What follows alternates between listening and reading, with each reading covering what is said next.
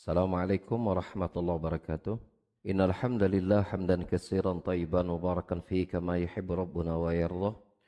أشهد أن لا إله إلا الله وحده لا شريك له وأشهد أن محمدا عبده ورسوله لا نبي بعده. قال الله تعالى في كتاب الكريم أعوذ السميع العليم من الشيطان الرجيم.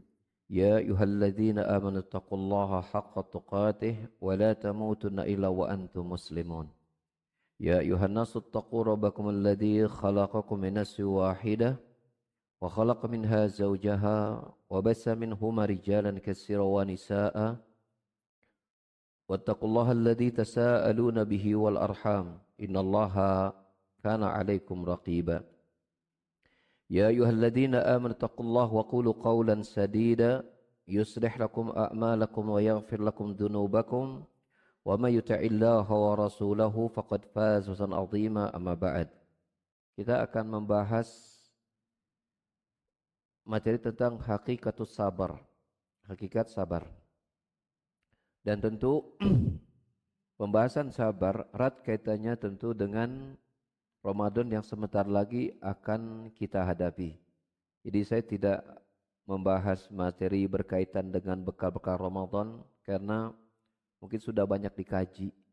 Ya, saya sendiri perasaan mah sudah 4 5 kali ngisi materi tentang bekal Ramadan ya di beberapa tempat jadi dan sudah banyak juga pemateri-pemateri yang lain memberi materi itu sehingga materi yang saya pilih mudah semacam pelengkap dari materi-materi Ramadan ya dan mudah-mudahan menambah lengkapnya bekal kita menghadapi Ramadan tersebut insyaallah taala. Tentang sabar. Sebelum kita masuk kepada hakikat sabar atau definisi sabar ya. Maka kita dapati para ulama menyebutkan bahwa sabar ini merupakan setengahnya iman. Setengahnya i, iman. Setengah yang lain berupa apa? Yaitu bersyukur. Yaitu bersyukur. Dan Allah Subhanahu wa taala sering mengaitkan syukur dan sabar ini dalam satu tempat. Misalnya inna fi dzalika laayatun likulli sabarun syakur. Sesungguhnya dalam perkara tersebut terdapat tanda-tanda kebesaran Allah bagi mereka yang bersabar dan bersyukur. Jadi Allah kaitkan sabar dengan syukur. Sehingga para ulama menyebutkan bahwasanya iman itu ini dalam satu tinjauan tentunya ya, bahwa iman itu ya syukur di satu sisi, bersabar di sisi yang lah yang lain. Dan tentu pembahasan tentang sabar konsentrasi utamanya ada berkaitan dengan bagaimana kita bisa mengolah jiwa mengolah jiwa kita yang olahan jiwa ini nanti mesti akan memberikan pengaruh terhadap lisan dan anggota badan. Lisan dan anggota badan. Harapannya tentunya ya pengendalian kita terhadap jiwa kita untuk bersabar harapannya itu dapat membimbing jiwa kita kepada ya tetap berada di track untuk tetap mentaati Allah Subhanahu wa taala wa taala. Ya, baik terus melaksanakan ketaatan-ketaatan tersebut ataupun ya terus menahan diri dari perbuatan-perbuatan yang melanggar ketaatan berupa maksiat ya dan perkara-perkara yang Allah haramkan. Oleh karenanya hakikat sabar adalah nah ini penting untuk kita eh, perhatikan baik-baik sebab nanti akan mempengaruhi eh, aplikasi kita terhadap sabar dalam tiga pembagian sabar nanti. As-sabru sabar adalah wahabsun nafsi anil jaza' wal lisan anil syakwa wal jawari anil latamil khudud wasyakis siyab wa nahwihima. Sabar itu adalah menahan jiwa dari menahan jiwa dari apa ya? Kalau menggerutu teh kerjaan lisan ya. Kalau jiwa apa? Berkeluh kesah. Nah, begitu lebih pas. menahan jiwa dari berkeluh kesah, menahan lisan dari menggerutu, dan menahan anggota badan dari memukul-mukul pipi, merobek-robek pakaian, mungkin dia nggak sabar itu ya, jadi dia mungkin apa sampai kalau mungkin sebagian mungkin kok perempuan mungkin narik-narik rambut gitu kan, ada yang kok mungkin bapak-bapak mukul-mukul dinding gitu kan najong pot bunga misalnya gitu barijeng nyeri. Nyerinya kerasanya kalau ambek nate udah hilang tak kakak aduh kalau ambek nate udah hilang. Tak kakak aduh nyeri waktu ambek naman tuh ya gak gaya jago gitu. Karena emosi karena nanti pas udah beres ke dokter we. Udah bengkak ya. Dilihat dari definisinya saja ya maka kita mengatakan sabar itu sabar itu memiliki tiga rukunnya rukun hati rukun lisan rukun anggota badan. Rukunnya hati tadi. Hati tadi apa? Hati tidak berkeluh kesah. Rukun lisan hati tidak menggerutu. Rukun anggota badan, badan tidak mengekspresikan perbuatan-perbuatan yang menampakkan dia tidak ridho dengan apa yang dia jalani. Ya, tadi mungkin oh, mukul pipi, merobek pakaian dan yang lainnya.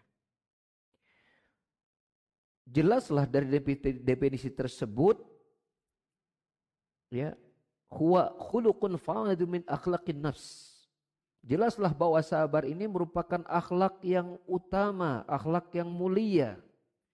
Yang merupakan bagian akhlaknya jiwa manusia yang mulia. Yumtana'u bihi min fi'li ma la yusin wa la yajmul wa wa quwwatun min quwwatin nafsi allati biya sadahu sya'niha wa qawami amriha. Kesabaran itu dapat membuat seseorang menahan diri dari melakukan Perkara yang tidak bagus, perkara yang tidak indah, perkara yang tidak beautiful. Ya. Dia merupakan bagian dari kekuatan jiwa yang dengannya lah urusan seseorang itu akan menjadi ba baik. Ada lagi yang mengartikan sabar itu ya, sabar itu adalah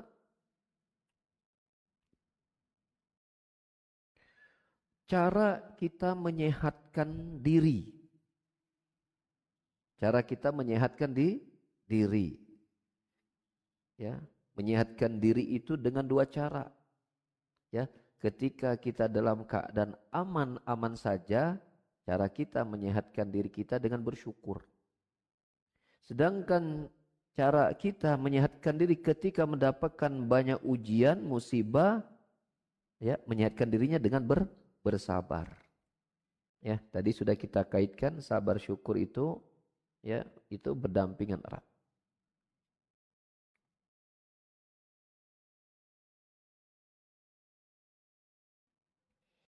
Sehingga hasilnya adalah hakikat sabri idzan ayyaj'al ayyaj'al al-'abdu aw ayyuj'al al-'abda quwwata iqdamihi masrufatan ila ma yanfa'uhu wa quwwatan ihjimami imsakan amma yadurruh.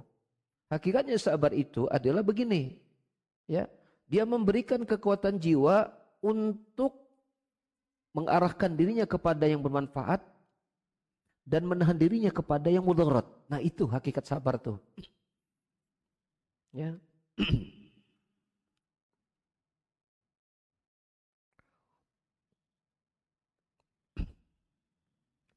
Lalu apakah manusia dalam pengolahan sabar itu memiliki kondisi yang sama? Jawabannya tidak. Amma an hadin nasim as-sabri adapun keadaan manusia terhadap sabar ini ada beberapa tipe, ada beberapa tipe. Ada beberapa tipe manusia dalam pengolahan sabarnya. Pertama, Faminhum man takunu quwwata sabri man takunu quwwatu sabrihi ala fi'li ma yantafi'u bihi aqwa min sabrihi amma yadurruh. Wa yasbir ala masyaqqati ta'at wala wala sabra lahu an dawa'i hawahi hawahu ila irtikabi ma nuhi ma nuhiya anhu. Yang pertama ya adalah seseorang yang kekuatan sabarnya dalam meraih apa yang bermanfaat itu lebih besar, lebih kuat daripada kesabarannya dalam ya melakukan perkara yang memudaratkan dirinya. Jadi ada manfaat, ada mudarat nih. Tipikal yang pertama ini, kesabaran dia dalam meraih apa yang bermanfaat lebih besar daripada kesabarannya dalam menghilangkan mudarat. Makanya ya prakteknya orang ini yasbir ala masyaqqati ta'at. Dia kuat bersabarnya dalam menjalankan ketaatan-ketaatan, tetapi dia tidak sabar dalam menghadapi ya seruan hawa nafsunya untuk berbuat maksiat. Ada orang misalnya orang ini sholat, kuat sholatnya, tahajud nggak ditinggal, ya kan? Dikir nggak lepas, baca Quran jangan terus. Tapi urusan, nah gitu kan, maksiat yang yang maksiat ada yang memanggil maksiat dia nggak kuat. Lihat perempuan, komo gelisnya, aduh, astagfirullah. Baru, baru istighfar, baru yang di, pelototan wae. Astagfirullah. Tapi, kuma tapi dah gelis, kuma astagfirullah. Dah gitu, terkuat. Tapi karena sholat kuat, karena zikir kuat, karena baca Quran kuat tapi menahan diri dari maksiat nggak sanggup. Ya, kamu pas pegang HP, aduh lihat, hmm sudah. Ah tapi waktu sholat bangun malam dia. Ada orang yang seperti itu. Dia sabar dalam ketaatan tapi nggak sabar dalam menahan maksiat.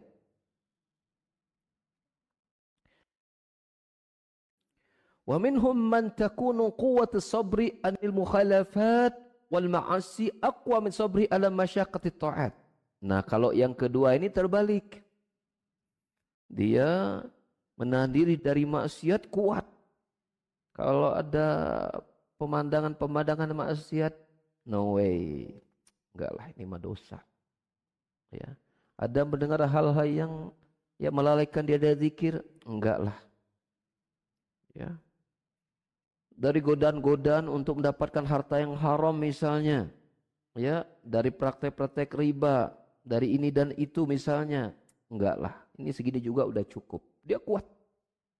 Tapi pas melaksanakan ketaatan letoi ngotok sholat wajib lagi sok telat wae masuk buku ya hayu lamun sholat teh. Hari-hari kurang sabar. Untuk ngambil sop paling depan paling bagus dia nggak mau sabar. Ya untuk baca Quran lama-lama dia gak mau sabar. Ah, di antaranya melatih kesabaran kita untuk menaikkan ketaatan kita. Itu Ramadan. Ya.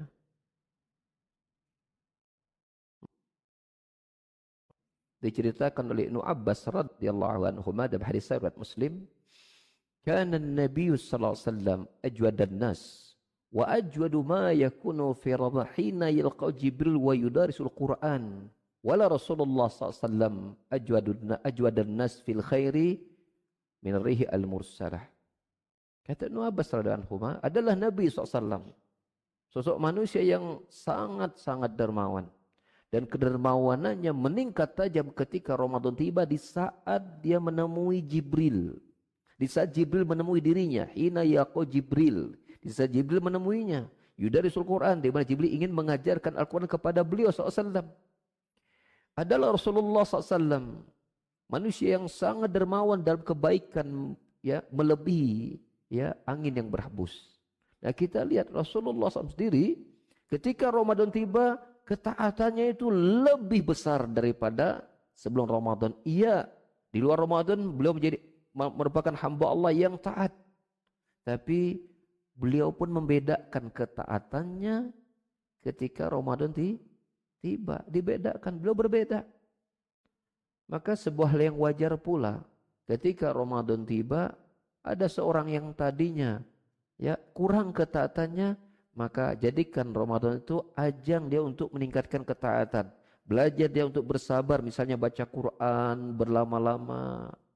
Coba antum kalau gak sabar baca Quran misalnya dari habis subuh aktivitas jam 6 itu ada satu jam. Kalau antum gak sabar antum gak bisa satu jam baca Quran. Yakin? Udah mulai ah, kayaknya capek. Padahal gak capek-capek amat. Apa lelah sih baca Quran? Apa kau mau baca Quran udah lancar?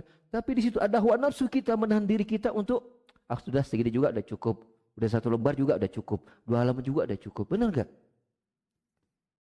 Tapi dia maksiat enggak. Tapi ketaatannya kurang. Nah itu ada jenis manusia yang seperti ini. Nah kita mah lihat aja diri kita termasuk tipe kal yang mana. Tipe yang pertama kah atau tipe yang kedua. Masing-masing kita introspeksi. Tipe yang ketiga, anu panggo, panggopet na mah, panggoreng na yun. Wa minhum man la sabra ala hada wa ala dak.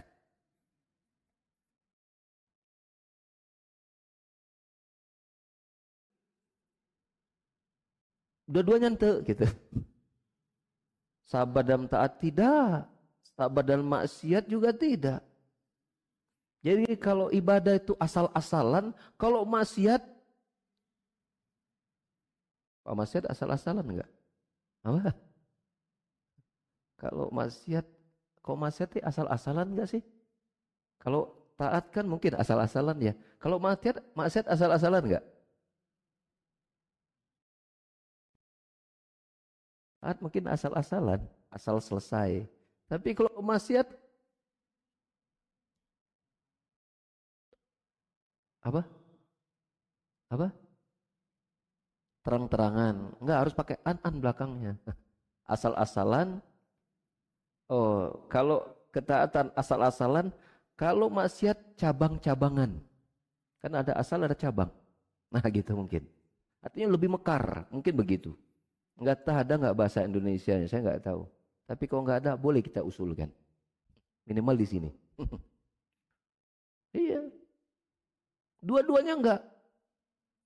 Ya. Dua-duanya enggak. Enggak sabar dalam keduanya. Tidak sabar dalam menjalankan ketaatan dan tidak sabar dalam meninggalkan kemaksiatan. Antum lamun sabar ngaus mah. Dah yang nama ngobrol eh. Ah, pusing dengerin kajian wae. Bener. Atau kalau enggak tidur. Jadi ada satu pengajian, saya ngisi pengajian. Ngobrol tuh jamaahnya tuh. Saya diamin berapa saat, nggak berhenti ngobrolnya. Saya pulang akhirnya dari masjid.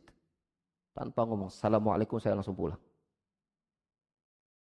Ya, dia sabar mengganggu pengajian, tapi saya nggak sabar lihat dia. ah, rek dicarek, udah tua, asli udah uban, tapi ya gimana ya udahlah saya mengalah, saya pamit saya nggak bisa. Ada lagi pengajian yang lain sama ngobrol juga. Wah, dia nggak dia sabar ngobrol, saya nggak sabar lihat dia ngobrol gitu. Akhirnya saya bilang begini, maaf saya nggak bilang bapak-bapak, padahal ngobrolnya bapak-bapak wae. Biasanya ngobrolnya ibu-ibu di pengajian, ini bapak-bapak. Ini agak agak tumben hari ini bapak-bapak rajin ngobrol gitu. Saya bilang uh, saya minta maaf ya mungkin termasuk kelemahan saya. Saya itu kalau ngisi pengajian nggak bisa fokus kalau ada yang ngobrol. Saya izin, oh pamit saya bilang gitu. Saya begitu. Kalau misalnya saya udah diemin, masih ngobrol, saya memilih dua. Ima saya sampaikan, kemudian saya terus dalam keadaan enak gak enak, atau ima saya mohon pamit. Itu mesti saya lakukan. Karena saya dididik belajar agama itu serius. Gak pernah ngobrol. Dari kecil kok saya ingat pengajian, dari kecil aja saya masih awam. Saya ke belakang saya nggak pernah ngobrol. Yang lain ngobrol saya nggak pernah ngobrol. Kayak saya menghargai ini ilmu. Ya, majelis ilmu malaikat datang di sini. Ya seperti itu. Tapi kok ngobrolnya ke kedengaran sih ya nggak apa-apa. Sih kok kedengaran tuh udah susah.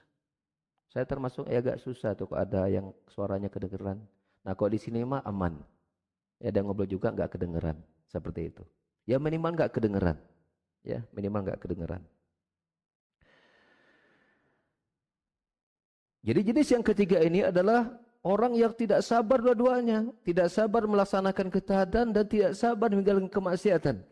Fakasirun minan nasi yasbir ala masyaqqati siyam fil har wala masyaqqati qiyamil lail fil bar wala yasbu ala nadat muharraman.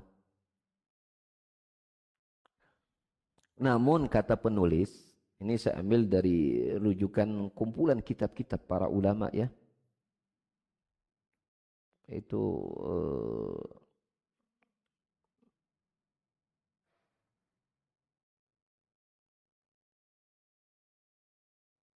Jami'ul Kutub ya. Nama Jami'ul Kutub. Nah kata penulis, namun umumnya manusia itu, umumnya manusia, kebanyakannya manusia, kata beliau begini, contoh, ini contoh nih, ini dikaitkan dengan Ramadan nih. Kebanyakan manusia itu mereka sabar terhadap penderitaan ketika berpuasa. Nah ini penulis kaitkan dengan puasa panas-panas apalagi kalau di Arab gitu kan itu panas tuh. Ya. Sabar mereka menahan lapar menahan haus dalam keadaan panas luar biasa. Ya. Ya. Mereka juga sabar. Ya. Untuk melaksanakan sholat malam dalam keadaan kedinginan. Puasa di panas-panas berpuasa kuat. Dingin-dingin malam siap sholat malam tapi tidak sabar untuk melihat pemandangan-pemandangan yang diharamkan.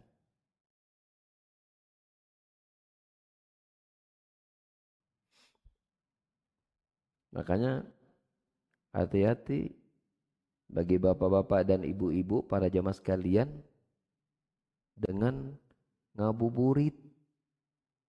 Hati-hati. Kalau sudah ngabuburit kita tuh sangat sulit menahan diri kita untuk bersabar, sangat sulit bagi kita bersabar menahan pandangan mata kita untuk tidak melihat aurat. Kita sulit mengendalikan lisan kita untuk tidak ngobrol yang aneh-aneh, macam-macam, bahkan maksiat. Sulit. Kadang mungkin lihat penjualnya, atau si penjual nanti meni, meni kulutusnya. Itu udah gibah kan? Sahih. Jalan temen macet kiu, itu tuh nyupir dan para ruguh, udah gibain batur. Itu kok terlalu sering keluar. Sebelum dia batalkan puasa, dia sudah kurangi dulu pahalanya dia dengan tidak menahan lisan dan pandangan matanya. Makanya kita keluar tuh kalau ada hajat saja, hajat sudah selesai balik lagi. Ya. Jangan sengaja keluar tanpa tujuan, apalagi bulan Ramadan. Sehingga satu nasihat berharga dari seorang sahabat bernama Jabir bin Abdullah radhiyallahu anhu yang dikisahkan diceritakan asar ini oleh Al Bukhari dalam sahihnya. Kata Jabir bin Abdullah idza sumta falyasum sam'aka wa basaraka wa lisanaka wa la taj'al yawma siyamik wa yawma fitrik sawa.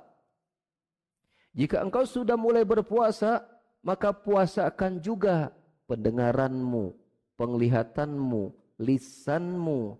Jangan engkau jadikan hari puasamu sama dengan hari berbukamu. Jangan. Ya. Jaga pandangan, jaga pembicaraan, jaga pendengaran. Ya seperti itu. Nah, kata penulis, umumnya manusia, ini kaitannya dengan Ramadan, kuat puasa siang hari, kuat sholat malam-malam hari, tapi nggak luat melihat pemandangan yang diharamkan. Nah, ini tantangan orang berpuasa itu ya umumnya di mata dan lisan. Tantangan berpuasa itu. Ya. Sehingga Rasulullah SAW ingatkan tentang lisan bagi orang berpuasa. Dalam hadis Bukhari Rasul bersabda, "Man lam yada qawla zur wal amala bihi falaysa lillahi hajat fi ayyada ta'amahu wa syarabah." Barang siapa yang tidak meninggalkan dusta dan pengamalannya, maka Allah tidak butuh dia meninggalkan makan dan minumnya. Ya. Dalam riwayat yang Rasul juga bersabda, "Rubba sa'imin laisa lahu min siyam ilal ju' wal atash." Bisa jadi ada seorang berpuasa tidak dia dapatkan kecuali lapar dan haus saja. Ya. Sampai selesai Ramadan, dia berlapar-lapar dan berhaus-haus. Tapi ketika lisannya tidak dijaga, matanya tidak dijaga, pendengarannya tidak dijaga, maka dia berlalu melewati Ramadan tanpa pahala bahkan mungkin dosa. Dan ini didoakan kecelakaan oleh malaikat Jibril dan diaminkan oleh Nabi Muhammad SAW. So ada Rasulullah SAW mimbar. Ya Rasulullah itu mimbarnya Rasul itu mana mimbar di sini? Mimbar Rasul itu ada tiga. Satu, dua, tiga. Ketika dia naik mimbar pertama, Nabi mengucapkan amin. Naik mimbar kedua, amin. Naik mimbar ketiga, amin. Para sahabat ada di situ. Ketika Rasulullah turun, mereka bertanya, Ya Rasulullah, kami melihat mengucapkan amin, amin, amin ketika naik mimbar. Ada apa? Maka Nabi bersabda, barusan itu ada Jibril. Ja'ani Jibril. Jibril mendatangiku saat itu. Para sahabat gak lihat. Sahabat gak lihat. Rasulullah lihat. Kemudian Jibril berkata, Roma anfin re'in. Man adakar Ramadan hatta yang salikha lam yughfad lahu. Celaka seseorang, kata Jibril. Yang mendapati bulan Ramadan sampai Ramadan selesai dosanya tidak Allah ampuni. Kul amin, ucapkan amin. Ya Muhammad, aku pun mengucapkan amin. Bayangkan Ramadan itu Allah sedang mengobral pahalanya, menurunkan banyak rahmat dan ampunannya. Tiap malam mencatatkan ada hamba-hambanya yang Allah bebaskan dari neraka. Ya, kata Rasulullah SAW, walidai utaqa'u minan nar, fadhalika kullal hatta inqadi Ramadan. Di tiap malam Allah mencatat ada di antara hambanya Allah akan hapus, Allah akan selamatkan dari neraka tiap malam. Ya, malam itu Qadar ada. Ibadah malam itu diberi seribu bulan. Itu bisa menghapuskan banyak pahala banyak dosa karena pahalanya sangat besar. Apalagi secara umum Allah mengatakan ya saum itu fa innahu li wa najzi bihi yada syahwata wa ta'amu min ajli. Saum itu untukku kata Allah. Dia meninggalkan syahwatnya, meninggalkan makannya karena aku ya Allah, aku yang akan membalasnya kata Allah. Besarnya pahala ya puasa. Tapi bila seseorang itu berpuasanya hanya berpikir tidak makan, tidak minum, banyaknya tidur aja. Dari habis subuh, habis subuh tidur, bangun-bangun lohor. Sholat sih, Alhamdulillah masih sholat. Habis sholat duhur, tidur lagi sampai asar. Habis sholat asar, ngabuburit. Malamnya lalajo main bal. Sampai subuh dengan alasan nunggu sahur. Allah sahur, puasa apa yang macam ini? Apakah dengan beramal seperti inikah Allah mensyariatkan saum? Sementara Allah mengatakan la'allakum tattaqun. Kutiba alaikumus siyam la'allakum tattaqun. Al-Baqarah 183 Itukah amal orang bertakwa? Habisnya dengan tidur bangunnya jalan-jalan ngobrol sana ngobrol sini. Puasa macam apa seperti ini? Itukah ketakwaan? Yang ingin diraih jawabannya bukan. Makanya Nabi ingatkan rubas saim Laisa lau min siabil ju'wal atash. Bisa jadi ada seseorang tidak ada yang dia dapatkan dalam puasanya kecuali hanya lapar dan haus. Lapar dan haus. Tapi mayoritasnya alhamdulillahnya ya banyak juga orang-orang muslim itu dia ya beribadah di malam harinya. Tapi penulis ingatkan tentang kesabaran umumnya orang berpuasa itu nggak kuat menahan pandangan yang diharamkan. Itu umumnya.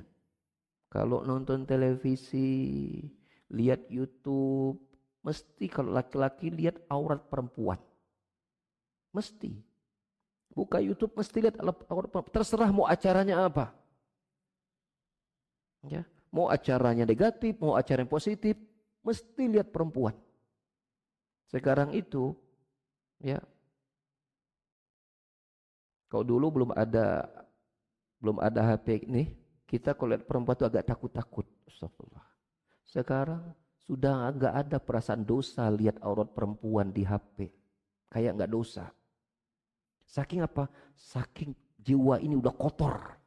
Jiwa udah berkarat. Melihat aurat di HP itu seolah bukan dosa. Hati-hati Ramadan bulan mulia, dosa pada itu bukan kecil. Maka hati-hati dengan HP kita. Jangan sembarangan lihat isi yang di dalamnya. Jangan sembarangan. Ya. Ingat nasihat Jabir bin Abdullah tadi, jangan engkau jadikan hari puasamu dengan hari berbukamu sama. Hargailah Ramadan. Hargai puasa kita. Ini bulan yang spesial. Ini bulan Allah bukakan pintu-pintu surga, ditutup pintu-pintu neraka. Ya, surga sudah ada dan Ramadan tiba Allah buka pintu-pintu surga. Kita tahu pintu surga itu ada delapan, semuanya dibuka oleh Allah Subhanahu wa taala Ramadan. Semuanya dibuka. Ya. Pintu neraka semuanya ditutup oleh Allah Subhanahu wa taala. Berisi isyarat besar betapa Allah sangat menginginkan hambanya masuk surga.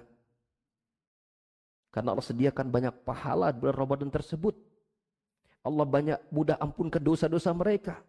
Allah tutup uh, Allah tutup dosa-dosa mereka. Ya. Allah rahmati mereka. Ya. Betapa Allah sangat menginginkan hamba-hamba jamaah surga melalui Ramadan. Ya. Maka jangan sampai kita samakan sikap kita ketika Ramadan dengan yang ti dengan yang tidak. Demikian wa kasirum minhum yasbu ala nadhi ila al-muharramat wa al-ittifad ila suwar al-ariyah wa la ala al-amri bil ma'ruf wa nahy al-munkar wa jihad al-kufar munafiqin. Bal hum ad'afu shay'in an hadha wa aqsam la la sabra lahu ala wahidin min al-amrayni. Demikian juga ada di antara mereka, banyak di antara manusia yang sabar tidak melihat pemandang diharamkan, tidak melihat gambar-gambar yang terbuka. Tapi dia tidak sabar untuk beramar ma'ruf nahi mungkar dan berjihad melawan orang kufar dan munafikin. Bahkan untuk hal ini dia sangat lemah sama sekali. Sangat lemah sama sekali. Ya. Dan di antara mereka juga ada yang tidak sabar dengan kedua-duanya, tidak sabar melaksanakan taat dan tidak sabar melaksanakan ya meninggalkan maksiat.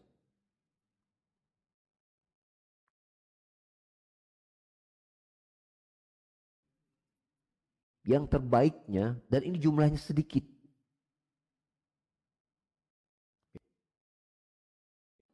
Wa asbaruhum fil maudhi'aini. Yang bisa bersabar pada keduanya, sabar melaksanakan taat, sabar meninggalkan maksiat, ini sedikit.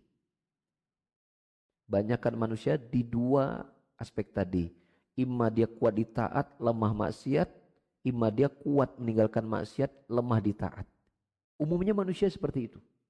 Yang kuat kedua-duanya sedikit. Kuat. Kuat baca Quran, kuat juga menahan diri dari pandangan. Ya, melihat dari perkara yang Allah haramkan, mengucapkan perkara yang haram itu sedikit yang bisa seperti itu. Ya, Allah maja'alna minal aqallin. Semoga Allah jadikan kita termasuk golongan yang sedikit. Allah jajah menyatakan dalam Al-Quran, wa qadilan min ibadiyya asyakur. Sedikit hambaku yang pandai bersyukur. Jumlahnya sedikit, enggak banyak. Maka doa kita termasuk golongan yang sedikit. Dari sisi di antaranya ya mungkin kualitas. Ya, kualitas ibadah. Ya.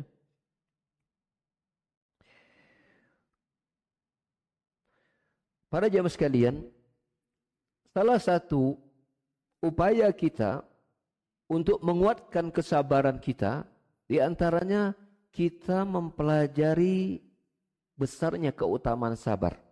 Di antaranya, ya. Di antaranya. Anallaha yudha'ifu ajra sabirin ala ghairihim wa yuwafihim ajrahum bighairi hisab. Wa kudu amalin yu'rafu sawabu ila sabr. Di antara keutamaan sabar yang pertama Allah melipat gandakan pahala orang yang bersabar melebihi selain mereka. Yang pertama Allah melipat gandakan pahala orang bersabar melebihi selain mereka Allah tunaikan ganjaran mereka tanpa batas. Ya. Allah tunaikan ganjaran untuk mereka itu tanpa batas pahalanya. Az-Zumar ayat 10 Allah Ta'ala berfirman, Innama yuwafassabiruna ajram bighairi hisab. Sesungguhnya ditunaikannya pahala orang yang bersabar itu, itu tanpa batas. Artinya sangat banyak. Tanpa punya batas. No limit. Ya, no limit. Yang kedua, keutamaan sabar, wa ana sabirina fi ma'ayatillahi fa huwa ma'hum bihidayatihi wa nasrihi wa fathihi. Orang-orang yang bersabar itu berada dalam kebersamaan Allah. Orang-orang yang sabar berada dalam kebersamaan Allah. Maksudnya Allah senantiasa memberikan mereka hidayah. Allah bersenantiasa menolong mereka, membukakan kebaikan-kebaikan buat mereka.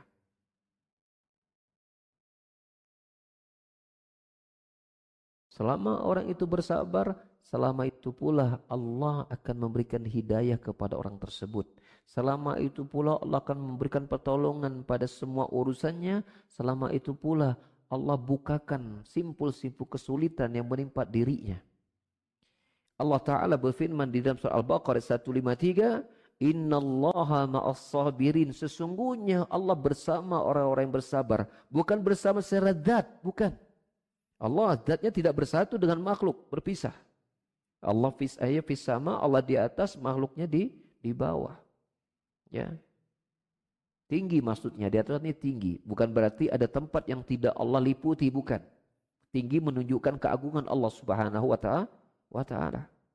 Ya. Adapun kebersamaan Allah dalam ayat ini maksudnya apa? Allah senantiasa pertolongan Allah senantiasa bersama mereka. Ya, Pengawasan Allah senantiasa bersama mereka. Ya. Hidayah Allah senantiasa bersama mereka. Dan Allah menegaskan itu. Innallaha ma'as sabirin. Al-Baqarah 153.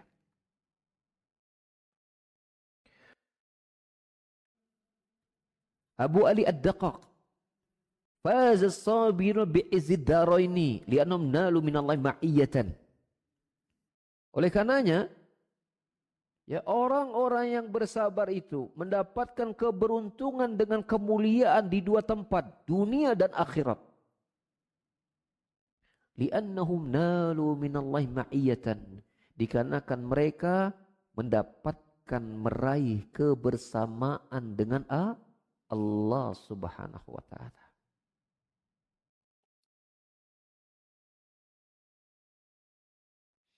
Makanya Nabi Sallallahu Alaihi Wasallam saking kuatnya ya, kesabarannya dalam menghadapi berbagai macam situasi di saat dia berada di Gua Sur di saat pasukan kafir Quraisy ingin mengejar dan menangkap beliau dan perjalanan beliau ke Madinah Abu Bakar merasakan khawatir dengan keselamatan Rasulullah SAW. Apa nasihat Rasulullah kepada Abu Bakar? Apa? Apa Rasulullah SAW? La takhab innallaha ma'ana. Engkau jangan khawatir Abu Bakar. Abu Bakar itu khawatir bukan tentang dirinya, tentang keselamatan Rasul.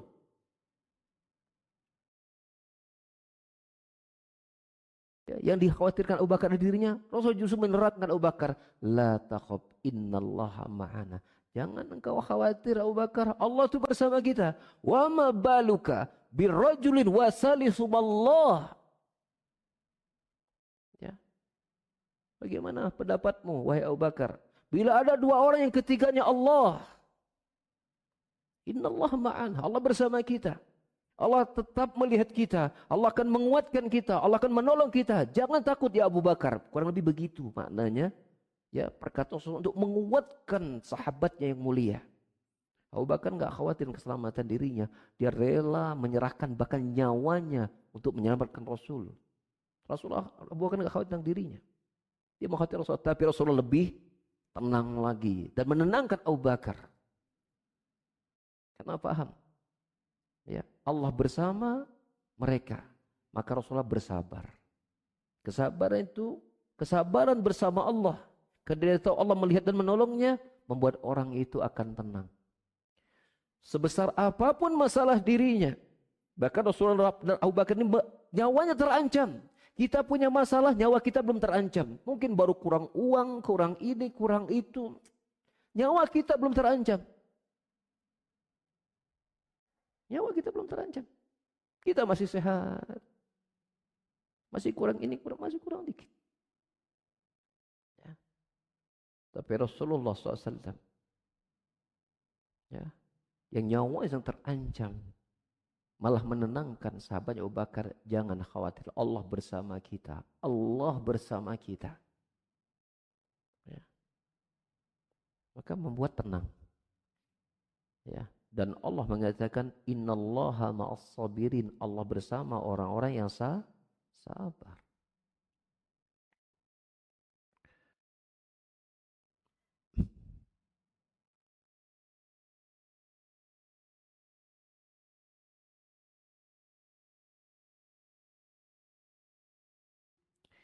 Di antara keutamaan yang besar orang yang bersabar. Kalau sebutkan di dalam surah Al-Baqarah ayat 155 hingga 157. Allah berfirman, Wabashir sabirin. Berikan kabar gembira kepada orang-orang yang bersabar.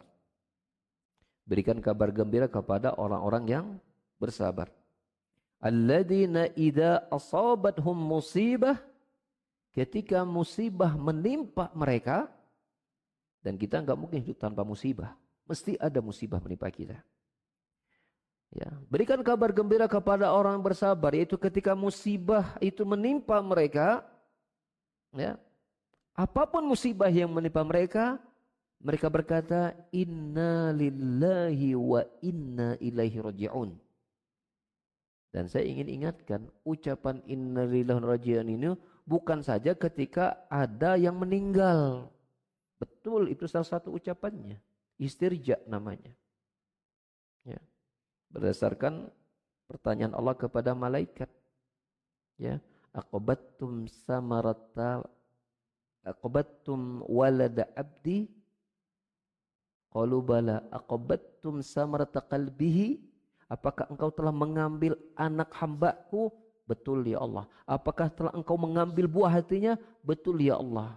Mada qala? Lu apa yang dia ucapkan? Hamadika wastarja ilaik. Dia memujimu ya Allah dan beristirja kepada mengucapkan inna lillahi wa narjiun betul tetapi Al-Baqarah ini memberikan gambaran umum musibah apa pun menimpa kita, kita boleh mengucapkan inna lillahi wa raji'un. Karena sebagian orang kan ketika mengucapkan ini siapa yang meninggal? Kok antum innalillah siapa yang meninggal? Enggak. Duit hilang juga ucapkan inna lillahi raji'un. Apalagi kau yang hilang calon pasangan. Mungkin karena mati atau karena ada yang lebih menarik dirinya. Ucapkan innalillah. Sedih tidak? Sedih dong. Panik enggak?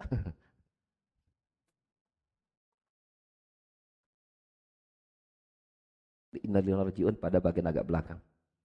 Nah, orang-orang ya yang bersabar yang ketika ditimpa musibah dia mengucapkan kita ini milik Allah dan kepadanya lah kita akan kembali. Allah berikan keutamaan kepada mereka tiga perkara yang Allah sebutkan dalam satu ayat ini menggambarkan keutamaan orang bersabar. Apa kata Allah? Ulaik alaihim salawatu satu. Wa rahmatun dua. Wa ulaikal mubtadun tiga. Ya. Mereka itu akan mendapatkan ucapan solawat dari Rob mereka. Allah berselawat kepada mereka.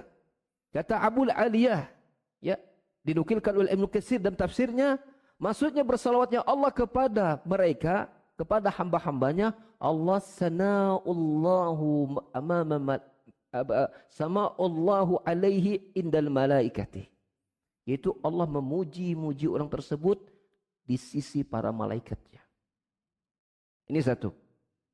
Yang kedua rahmah orang itu akan mendapatkan rahmat dari Allah rahmat di sini dengan lapat rahmatun artinya sangat luas rahmatnya tidak terbatas yang ketiga, wa ulaika humul muhtadun. Mereka itulah orang-orang yang akan mendapatkan petunjuk. Lihat, tiga keutamaan diucapkan dalam satu ayat hanya untuk orang yang bersabar. Hanya untuk orang yang bersabar. Yaitu apa? Salawat dari Allah, rahmat Allah dan petunjuk dari Allah Subhanahu wa taala. Secara bersamaan. Ya belum lagi tidak kita sebutkan tadi ya Allah bersama orang bersabar. Wallahu yuhibbus sabirin juga Allah mencintai orang bersabar, ya, dan seterusnya. Makanya sebagian ulama dahulu berkata, ya,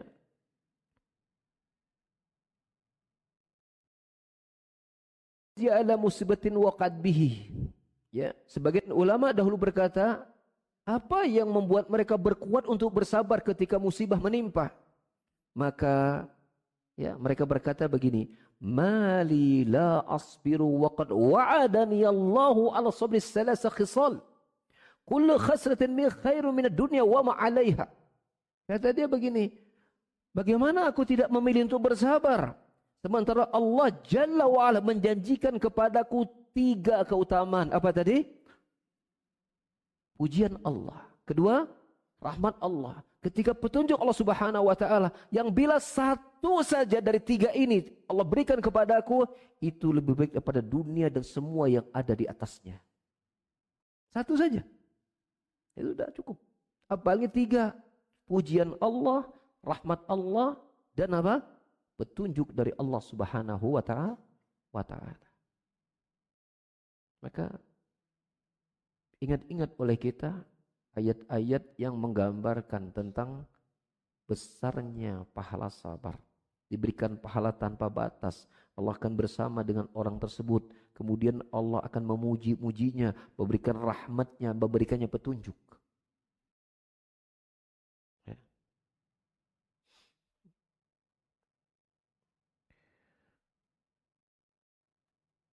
Dan tentang sabar bahwa Allah mengaitkan keberuntungan dunia dan akhirat dengan sabar. Dan surat Ali Imran ayat 200 Allah berfirman, Ya ayuhalladzina, ini ayat yang terakhir berarti ya. Ayat terakhir dari Imran itu surah ayat yang ke-200. Allah memanggil orang yang beriman. Ya ayuhalladzina amanu sabiru wasabiru waraditu wattaqullaha la'alakum tuflihun. Wahai orang beriman, bersabarlah kalian dan salinglah menguatkan kesabaran dan saling menguatkan dirilah di antara kalian bertakwalah kepada Allah agar kalian beruntung. Jadi Allah kaitkan keberuntungan dunia akhirat dengan apa? Dengan kesabaran. Dengan ke kesabaran.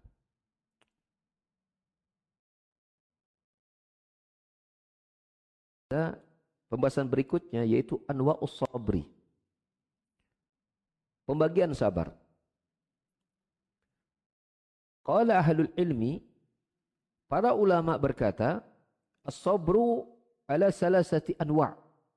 Sabar itu terbagi menjadi tiga. Yang pertama, sabrun ala ta'atillah. Bersabar untuk mentaati Allah. Yang kedua, sabrun an ma'as an maksiatillah. Bersabar dari berbuat maksiat kepada Allah. Yang ketiga, sabrun ala aqdarillah, sabar ya dalam menghadapi takdir-takdir Allah. Ya al-mu'diyah minal masaib al-mu'diyah dari musibah-musibah yang mengandung penderitaan di situ.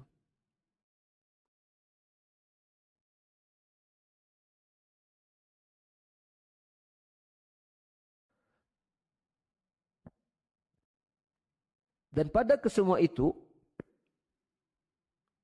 Seorang hamba di dunia ini akan bergelut dengan tiga keadaan ini dalam hidupnya di dunia. Ya. Ima perintah yang dia kerjakan butuh kesabaran, ima larangan yang dia tinggalkan itu butuh kesabaran, ima takdir berupa musibah dan yang lain yang juga itu membutuhkan kesabaran. Tidak mungkin bisa dia keluar dari tiga ini, pasti. Kalau hidup di dunia, maka seorang itu terkena kewajiban yang dia ketaatan yang dia kerjakan, terkena larang yang dia tinggalkan dan terkena pada musibah yang harus dihadapi dan ketiga-tiganya membutuhkan sabar. Ketiga-tiganya membutuhkan sabar. Tiga perkara inilah yang diwasiatkan Luqman Ibnul Hakim kepada anaknya di dalam surat Luqman ayat yang ke-17. Allah Luqman ber, apa, memberikan nasihat kepada anaknya. Ini pun juga bagus. Bila kita punya anak, nasihatkan mereka tiga perkara ini. Apa kata Luqman kepada anaknya? Ya bunai, Wahai anakku sayang. Ya, bunda itu panggilan sayang. Sayangku, my baby, my heart gitu misalnya ya. Kok kata orang sekarang. Wahai anakku sayang. Aqimus salah. Tegakkan salat. Wamru bil ma'ruf. Ya. Ajak kepada kebaikan. Wanha anil munkar. Laranglah kemungkaran. Wasbir alama asobak. Dan bersabarlah atas musibah yang menimpa. Tiga perkara ini disampaikan oleh Luqman kepada anaknya. Yang pertama, ya aqimus salah wa amul bil ma'ruf. Tegakkan salat dan perintahkan kepada kebaikan. Ini perintah kepada ketaatan. Wanha anil mungkar dan tinggalkanlah kemungkaran, kemaksiatan. Dan yang ketiga, wasbir alama asobak dan bersabarlah atas musibah yang menimpa dirimu. Baik ketika engkau menjalankan perintah Allah melalui salat ada kesulitan di situ. Ketika beramar ma'ruf, ya, ada kesulitan di situ. Ketika engkau juga mengingkari kemungkaran, ya engkau juga berhadapan dengan kemungkaran yang harus kau tinggalkan juga. Butuh kesabaran situ dan ada musibah-musibah bahkan yang Allah takdirkan yang menimpa mungkin fisikmu, kesehatanmu, hartamu dan yang lainnya termasuk cacian-cacian, celaan-celaan tuduhan-tuduhan manusia kepada dirimu ketika engkau menegakkan amar ma'ruf nahi mungkar bersabar. Karena mesti ketika kita mengajak kepada kebaikan, mencegah kemungkiran, mesti di sana ada mata-mata yang memandang, ada lisan-lisan yang akan siap mengomentari apa yang sedang kita kerjakan. Itu mesti. Jadi jangan sampai kita berpikir saya ingin dakwah Pak Ustadz, tapi saya ingin semua orang suka sama kita. Lu siapa? Nabi itu akhlaknya kurang apanya Nabi itu? Sempurna. Allah menyatakan wa innaka la'ala khuluqin azim. Ayat yang ketiga, yang ketiga di surah Al-Qalam. Engkau itu Muhammad berada di atas akhlak yang la'ala, akhlak yang sangat mulia. Tapi apakah Nabi aman dari celaan orang mencela? Tidak. Maka jangan mimpi kalau kita bicara tentang dakwah, semua orang tuh suka bertepuk tangan, hore, ini ustadz ideal saya, favorit saya. Enggak. Justru kalau enggak ada yang memusuhi kita, itu bermasalah dakwah.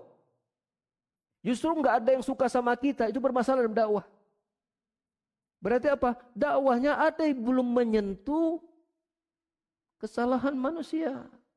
Mengingatkan kekurangan dan kemungkaran mereka berupa kesyirikan, berarti belum dibicarakan, berupa kebidahan, berarti belum disampaikan, berupa kemaksiatan, berarti belum dilontarkan, maka semua orang suka. Karena apa? Tidak menyinggung kesenangan hawa nafsu mereka. Tidak menyinggung apa yang telah menjadi tradisi mereka bertahun-tahun dari turunan-turunan yang terdahulu. Makanya aman. Berarti dakwah Anda, dakwah tidak mengikuti sunnah. Dakwah tidak mengikuti perilaku para nabi dan rasul. Mengajak manusia itu beribadah kepada Allah. Anda harus bicarakan tentang kesyirikan kaum Nasrani.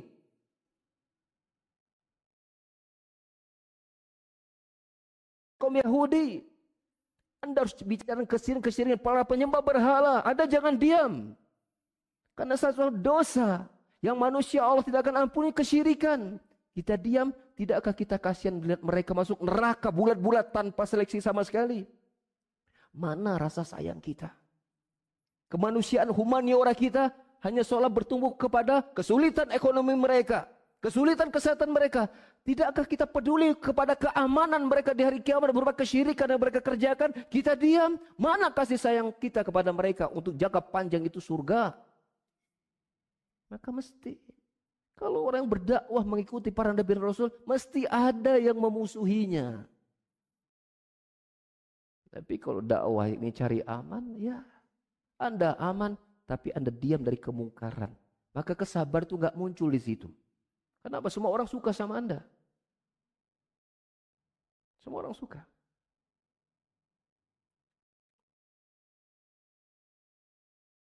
Kita sudah benar agama ini langsung dari sumbernya. Kita sudah belajar tauhid dan bahaya syirik. Kita sudah belajar sunat dan bahaya bidah. Kita belajar amal mantaat dan banyak kemaksiatan. Maka bersabar. Mesti ada tantangan kita dalam hal itu. Ini diwasikan Luqman kepada anaknya sejak dari kecil. Tegakkan sholat. Karena sholat itu menjadi apa? Amunisi kuat seorang mukmin untuk bertahan dalam kebaikan. Sholat. Jangan sampai enggak sholat. Termasuk sholat malam. Sholat malam itu amunisi besar orang berdakwah. Jadi jangan sampai ketika kita sibuk dakwah lupa dengan sholat malam. Itu amunisinya besar buat orang terjun bidang dakwah. Jangan sampai tidak sholat malam. Berjuang untuk sholat malam. Karena Nabi menasihatkan ya wa uh, iyakum uh, alaikum biqimilail fa innahu da'bul ladzi sallah fa innahu da'bus salihin ladzina min qablikum. Tegakkan solat malam kata Nabi. Dia ada kebiasaan orang soleh sebelum kalian. Ya bila kita bicara tentang kesolehan perhatikan diri kita dengan solat malam kita. Karena Nabi mengatakan kebiasaan orang soleh itu menjaga solat malam perjuangkan solat malam kita. Walaupun kadang-kadang kita butuh proses. Kadang-kadang kita mungkin baru satu rakaat mungkin baru tiga rakaat tapi kita berjuang untuk solat malam. Berjuang. Dan itu butuh kesabaran. Itu butuh ke kesabaran.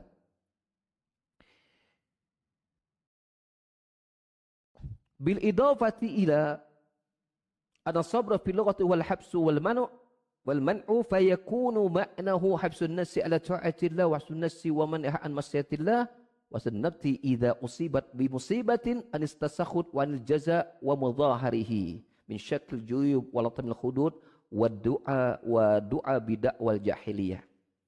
Bila kita lihat bahwa kesabaran makna secara bahasa artinya hapsu, menahan diri. Bila kita lihat bahwa secara bahasa arti sabar adalah menahan diri, maka tahanlah diri kita ya ketika kita mentaati Allah. Yang kedua, tahanlah jiwa kita untuk bersabar menjauh dari maksiat Allah.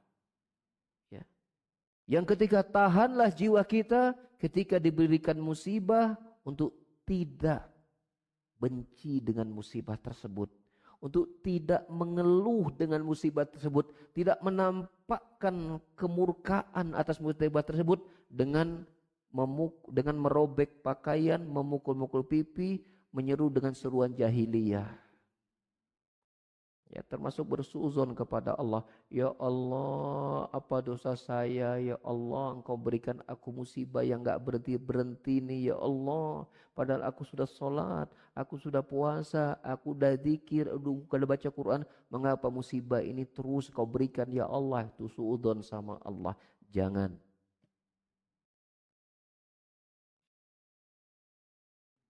Allah menghendaki engkau bersabar atas ketaatan Allah menghendaki engkau sabar dalam ketaatan dan Allah ingin mengujimu bersabar terhadap musibah. Ya tak?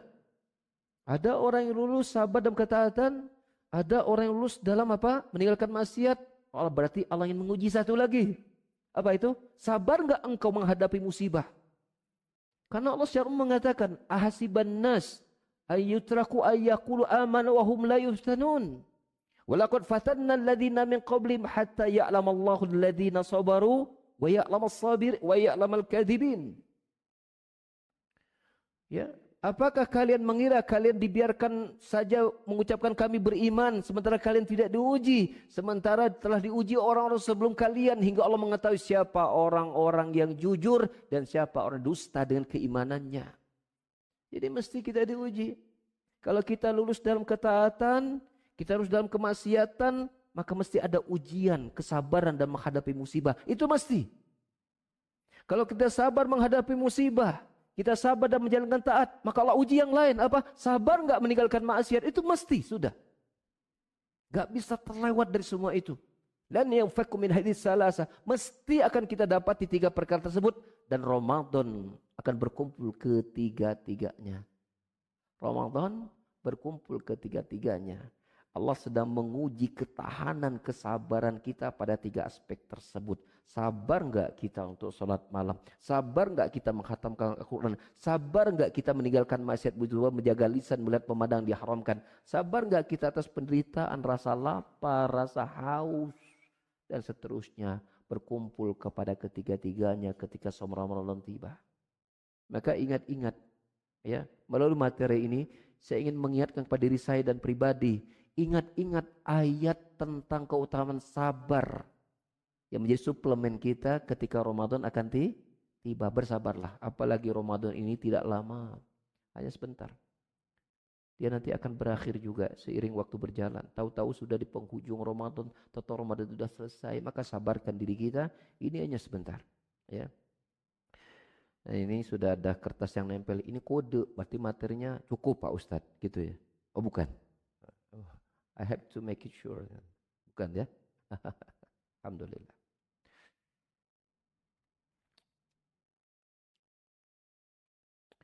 Lalu kemudian ini penutup materi saya materinya panjang sebenarnya, ya, sepanjang mata saya memandang ke belakang. Tapi saya cukupkan bagaimana sih aplikasi sabarnya jiwa ketika menjalankan taat, meninggalkan maksiat dan menghadapi musibah. Nah ini kita, ini penting ini. Saya juga ketika membaca ini, masya Allah manfaatnya luar biasa. Kata penulis, amma sabru ala ta'at, wa sabrun ala syada'id li'anna nafsa yatbi'uha tanfiru an kasim ibadat fahiya taqra'u salah bisababil kasal wa isairuha wa taqrahu az-zakah bisababil syuh wal bukhl wa taqul hajj wal jihad li amrani ma'an fataqrahu as-saum sahabat dalam ketaatan itu bersabar di atas syadad itu penderitaan-penderitaan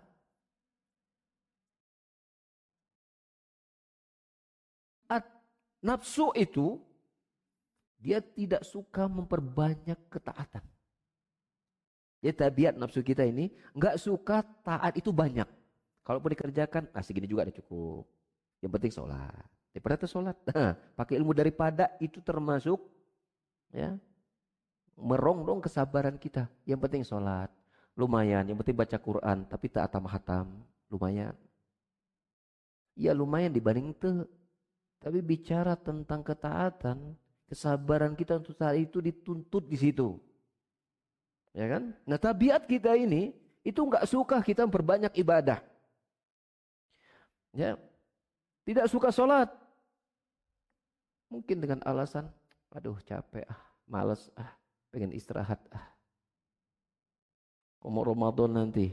Tarawih itu pertaruhan antara tunduh dan tidak. Mau makan nama dua piring. Buka puasa, belas dendam, pas tarawih nundutan. Orang yang kayak begini paling tidak menyukai imam yang bacanya panjang. Itu pasti. Tunduh orang teh. Lila teh. Mesti setengah sembilan teh beres. Jam delapan kican beres. Datang ke DKM. M. Masa ke DKM. M. Gentos saya imam. Ini panjang-panjang teh. Dia nggak sabar. Gak sabar untuk berdiri lama.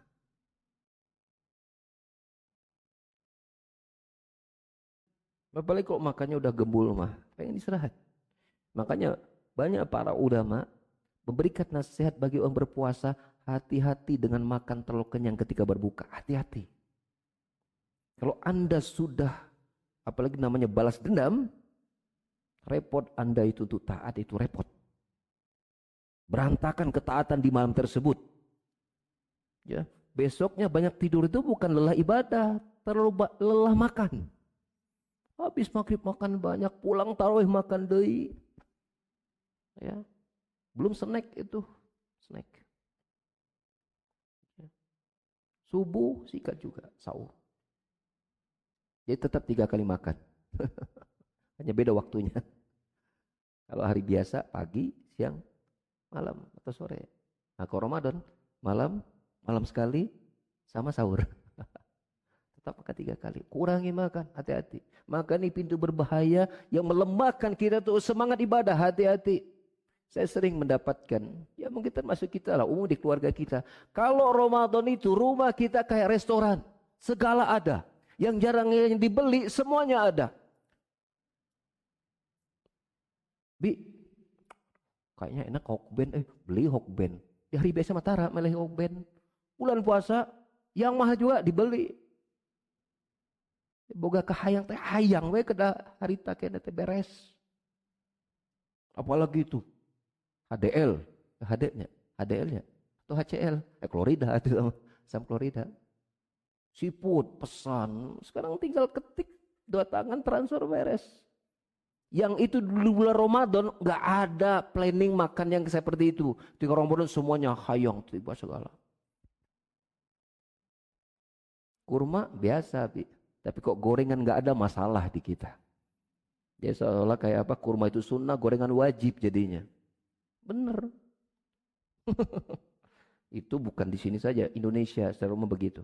Kalau nggak ada gorengan kayaknya tegoreng. Demikian juga takrus zakat bisa bisyuh wal bukhul. Demikian juga tidak suka berzakat, nggak suka bersedekah. Karena apa? Karena nafsu kita ini senang bakhil. Atau lebar atau meresa juta mah. Lumayan beli kerupuk mah jadi saton. Kersetok setahun. Mikir. Kita sedekah tuh mikir. Sahih. Jiwa kita ini cenderung bakhil. Gak suka mengeluarkan. Apalagi mengeluarkan sampai berjuta-juta. Apalagi saya bermiliar-miliar. Hmm, Masya Allah. Tapi wallahi ikhwah. Ada orang yang berinfak satu miliar sendirian. Dan dia tidak cerita-cerita ke siapa-siapa. Tapi kita tahu dan dia bahagia melakukannya. Bahkan ada orang mengikhlaskan hutang orang lain kepada dari 2 miliar. 2 miliar loh. Saya pernah mendengar sebuah ceramah seorang ustadz tentang keutamaan melunaskan hutang. Ini sedekahnya besar. Sampai orang ini minta pandangan Ustadz ini. Ustadz, saya ingin lunasin utang orang berutang kepada saya. Tapi Pak Ustadz, Pak Ustadznya, tapi apa? Utangnya lumayan Pak Ustadz. Emang berapa? 2 M Pak Ustadz. Ustadznya dudukan tempat, betulkan tempat duduknya. Udah antum sholat istikharah lah.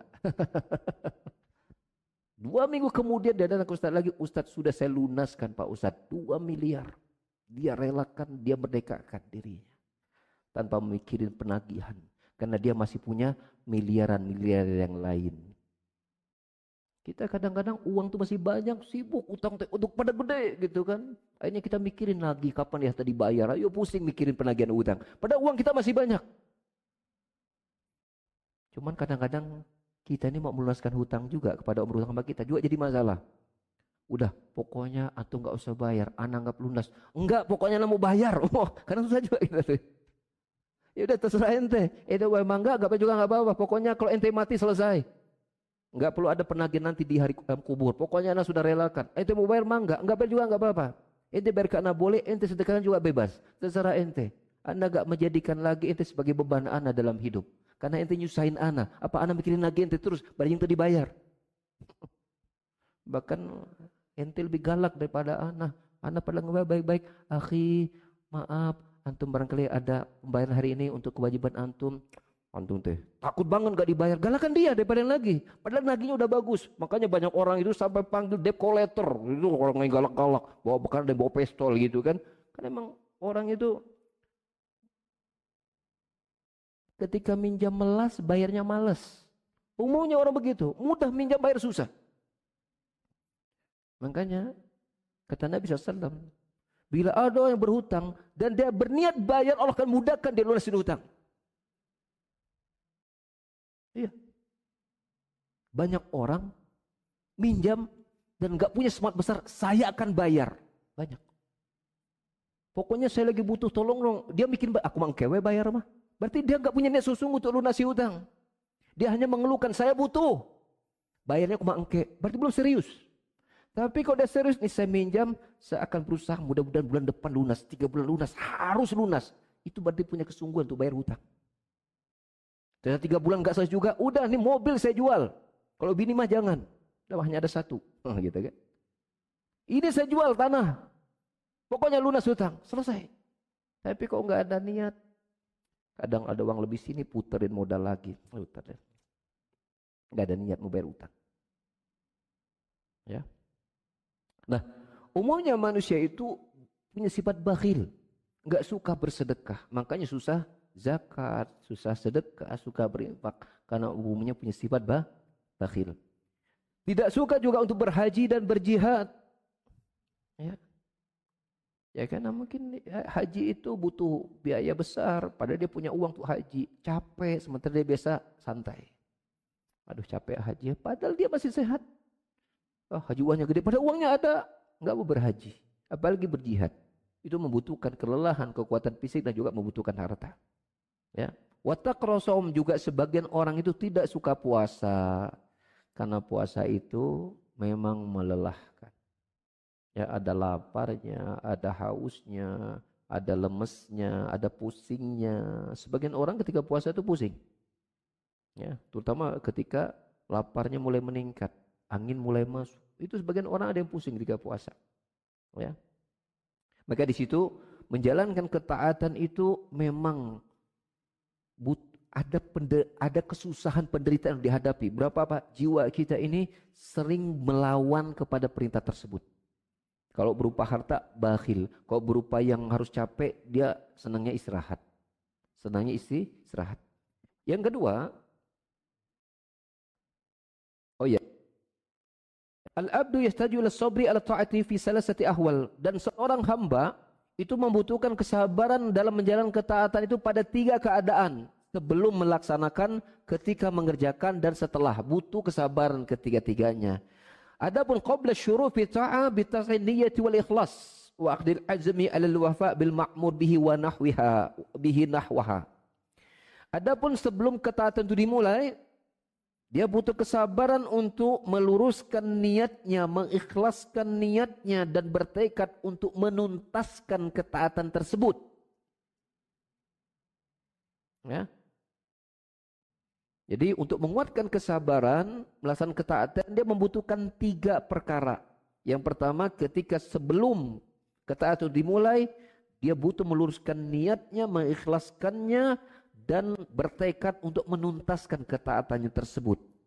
Ya, dan dia berusaha untuk mengusir ria, sum'ah, ya, yang itu dapat menghancurkan keikhlasannya. Oleh karena itulah Qadamallahu ta'ala sabra alal amal. Oleh karena itu Allah mendahulukan sabar amal soleh pada surat Hud ayat 11. Ilal ladina sabaru wa amilus salihat Kecuali orang bersabar dan beramal soleh. Allah dulukan sabar sebelum amal soleh. Ya, karena seorang ketika beramal soleh untuk kesabarannya, dia butuh meluruskan niat dan kekuatan tekad untuk menuntaskan amal tersebut. Kedua, bersabar ketika beramal. Yaitu apa? Dalam pelaksanaan ketaatan itu dia tidak lalai, tidak malas-malasan. Dia menjaga adab-adabnya, sunnah-sunnahnya, rukun-rukunnya. Dan dia berusaha untuk bersabar tidak ya melakukan perkara-perkara yang menggambarkan dia lalai, dia kurang peduli, dia hare-hare, dia kurang semangat, ya. Dan terus memperhatikan niatnya bahwa sekarang dia sedang berzikir dan berdiri di hadapan Allah Subhanahu wa taala. Maka itu terus harus dijaga. Itu butuh kesabaran untuk terus dijaga jiwa seperti itu. Yang ketiga adalah as-sabru badal faro minal amal, yaitu kesabaran setelah amalan itu selesai. Ya. Yaitu sabar untuk tidak mempublikasikan ketaatannya. Tidak menceritakan kebaikannya. Ya, hanya karena ingin dipuji, riak dan sum'ah. Ya. Dan Bersabar untuk tidak takjub dengan amalan yang telah dia kerjakan. Hmm, hebat eh aing eh Ramadan ayeuna mah tilu khatam tilu kali. Uh, muncul ujub dalam dirinya. Sabar, jangan. Ini belum ada apa-apanya. Imam Syafi'i sehari dua kali khatam, ente baru kali dua kali khatam satu bulan udah sombong. Jangan ujub dengan amalan. Ya, Oh, saya sudah melakukan ini, sudah melakukan itu, prestasi saya ini, sudah berbuat ini, berbuat itu. Kalau bukan karena saya, maka nggak akan begini begitu. Saya bisa, jangan. Ya setelah selesai, jangan kita terlalu kagum dengan apa yang sudah kita kerjakan, jangan. Karena ujub kagum itu akan melahirkan kesombongan. Merasa diri sudah bersih, diri sudah baik, merasa diri sudah banyak pahala. Nah itu jangan. Sudah selesai, biarlah Allah simpan untuk Allah Subhanahu wa taala. Kemudian sibukkan lagi melakukan amalan belum dikerjakan dan semangat lagi, ikhlaskan lagi terus gitu. Yang sudah biarlah Allah yang mencatatnya. Jangan diingat-ingat, apalagi dibangga-banggakan. Saya udah melakukan ini, jangan. Kalau itu hadir, maka sabar, jangan. Eh, nggak boleh hadir, sabar. Eh, nggak boleh datang. Buang. Begitu datang, kamu gitu loh, eh, nggak boleh. Buang. Itu datang, buang. Ya ini merusak.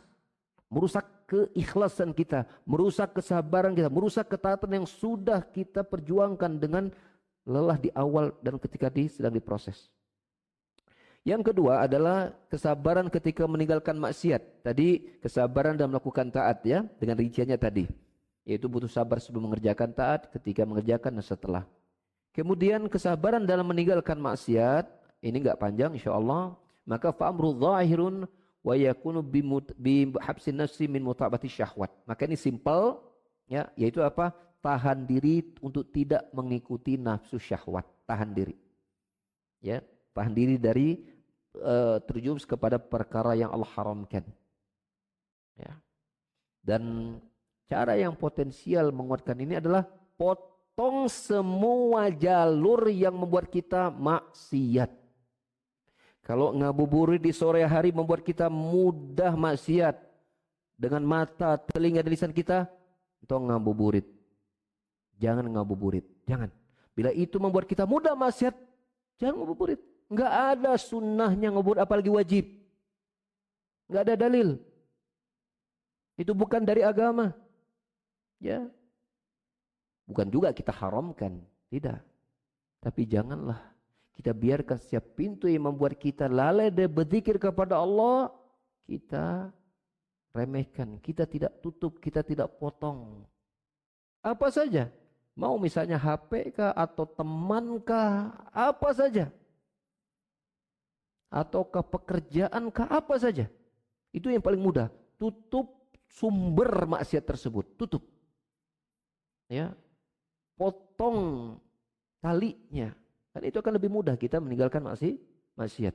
Coba kalau sudah masuk ke dalam itu susah. Kita buka HP, sering buka YouTube, ah sudah. Mulai.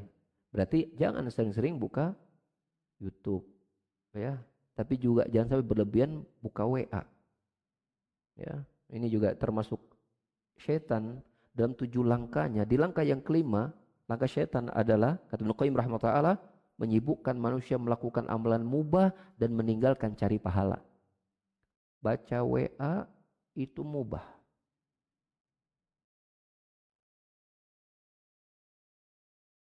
pahala maka di antara cara syaitan adalah dikuatkan orang itu baca WA bisa tiga jam, baca Quran jangan kuat tiga menit. Pas baca Quran. Saya suka mengambil contoh gini. Ada orang baca Quran itu pahala-hala, sahala nu ditutup. Ima Quran hala atau matanya dulu. Kalau Qurannya mati masih kebuka, mata yang ketutup. Hari mata kebuka, Qurannya ditutup. Ah, capek ah. Sahih. Amalan ketaatan dibuat susah dibuat singkat. Tapi amalan yang mubah dibuat banyak. Baca WA berjam-jam kuat. Lihat ini nonton kuat berjam-jam. Baca Quran gak kuat. Zikir gak kuat. Itu langkah syaitan ya ikhwah. Langkah syaitan asli. Syaitan gak ingin kita banyak pahala. Mubah tidak dosa. Tapi pahala kita kelewat. Sementara kita mengumpulkan pahala itu hanya ketika kita di dunia. Ya dengan ini kita selamat dari neraka. Tapi syaitan ingin kita sibuk dengan mubah. Senang ngumpul sana, ngumpul sini, nongkrong sana, nongkrong sini. Pagi nongkrong di sini, siang di sini, sore di sini. Dihabiskan dengan nongkrong berjam-jam. Itu langkah setan, ikhwah. Bukan berarti nggak boleh nongkrong, tapi jangan dijadikan menu kehidupan.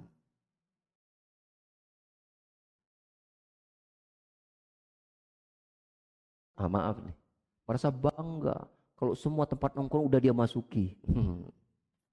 Pokoknya Bandung mah urusan kuliner Padahal selama dia hidupnya habis dengan jadi kuli dia selama ini. Kuliner kan kuli. Allah musta'an. Bukan gak boleh. Tapi jangan dijadikan apa? Menu utama hidup kita. Jangan. Ya. Maka Ibn Qayyim rahimahullah memasukkan syumumul qalbi, racun hati di antaranya apa? Fat, uh, uh, fatul berlebih-lebihan dalam ngumpul kata Ibnu. Di antara racun hati terlalu sering ngumpul. Kalau ke majlis ilmu ya ini namanya bukan ngumpul, tapi ini kajian. Ini manfaat. Ini dapat memberikan nutrisi bagi jiwa. Tapi ngumpul hanya sekedar ngobrol ini, ngobrol itu, itu hati-hati ikhwah. Itu bisa jadi racun buat jiwa kita.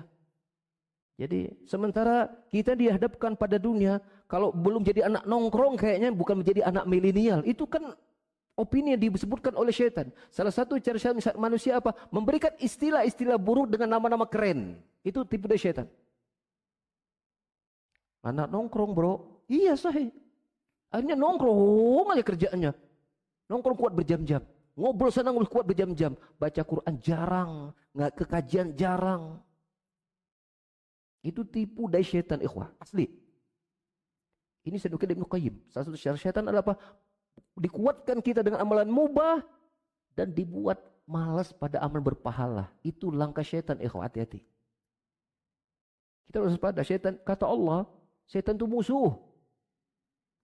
itu adu, jadikan dia musuh kata Allah. Musuh itu. Dia enggak ingin kita masuk surga, dia ingin kita masuk neraka bersama dia dan sedikitnya pahala kita dan banyaknya dosa kita. Itu syaitan. Ingin kita seperti itu. Maka Ramadan harus menjadi madrasah untuk melatih kita untuk mengurangi hal-hal yang mubah tadi. Kurangi, jangan terlalu banyak. Ya, jangan terlalu banyak. Yang terakhir, kesabaran kita terhadap musibah ini juga simple yaitu tadi ya hati kita jangan apa?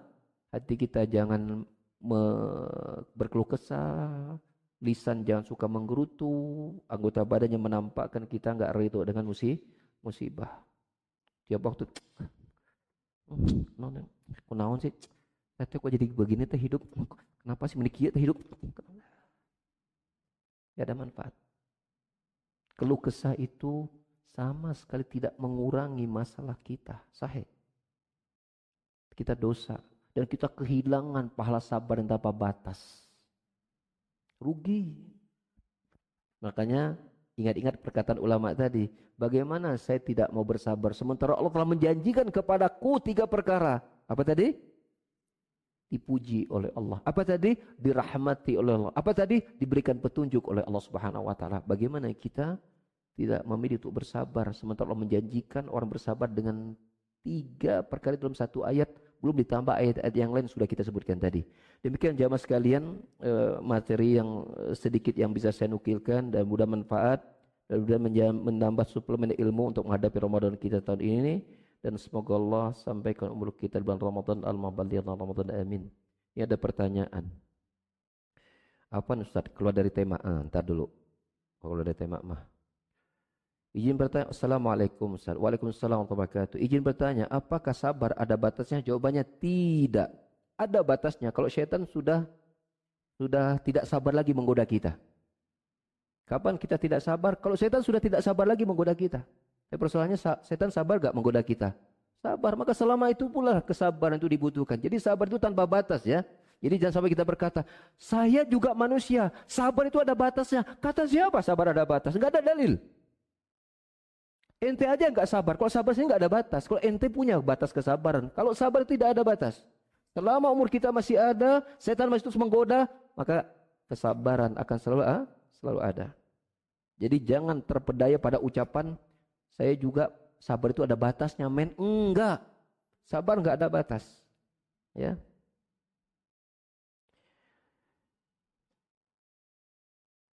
Ah, ini masih tentang fikih dulu.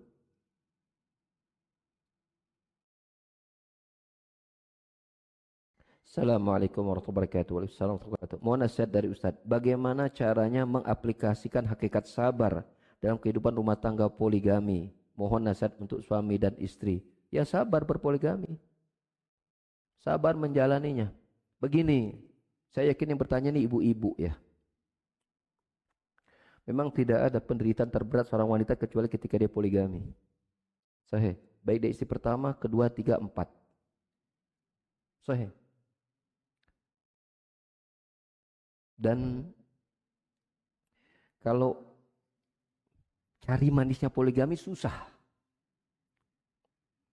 Termasuk bapak poligami juga ya ada manisnya tapi juga susahnya juga banyak poligami itu. Karena dia harus bebannya nambah. Ya. Dia harus mikirkan tidak saja materi tapi juga harus memikirkan fisiknya, mengganti gilirnya, itu enggak mudah. Jadi penderitaan poligami itu bukan hanya dialami oleh wanita, dan wanita secara umum hanya secara umum itu menahan kecemburuannya yang nggak habis-habis. Itu penderitaan terbesar seorang wanita. Cemburu yang tidak cemburu yang tidak bertepi. Adapun laki-laki ya mereaksi secara positif semua kecemburuan istrinya dengan berbagai macam bentuk. Itu penderitaan satu. Kedua, cari nafkah. Ketiga, ngatur beban berpikir. Keempat, ngatur badan supaya bisa memberikan nafkah batin. Sebenarnya laki-laki juga menderita dalam poligami.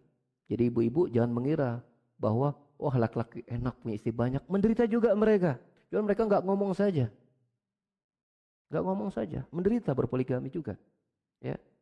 Tapi kalau berpoligami yang dipikirkan penderitaan saja, ya dipikir penderitaan saja, hanya rasa kesel kecewa saja, kapan mau bahagianya? Kapan ingin cari pahalanya?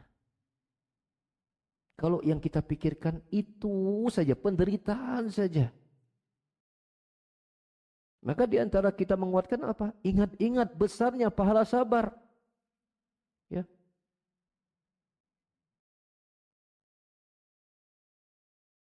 Pak Ustadz, saya boro-boro dengan namanya. Lihat mukanya aja saya udah gak sabar Pak Ustadz.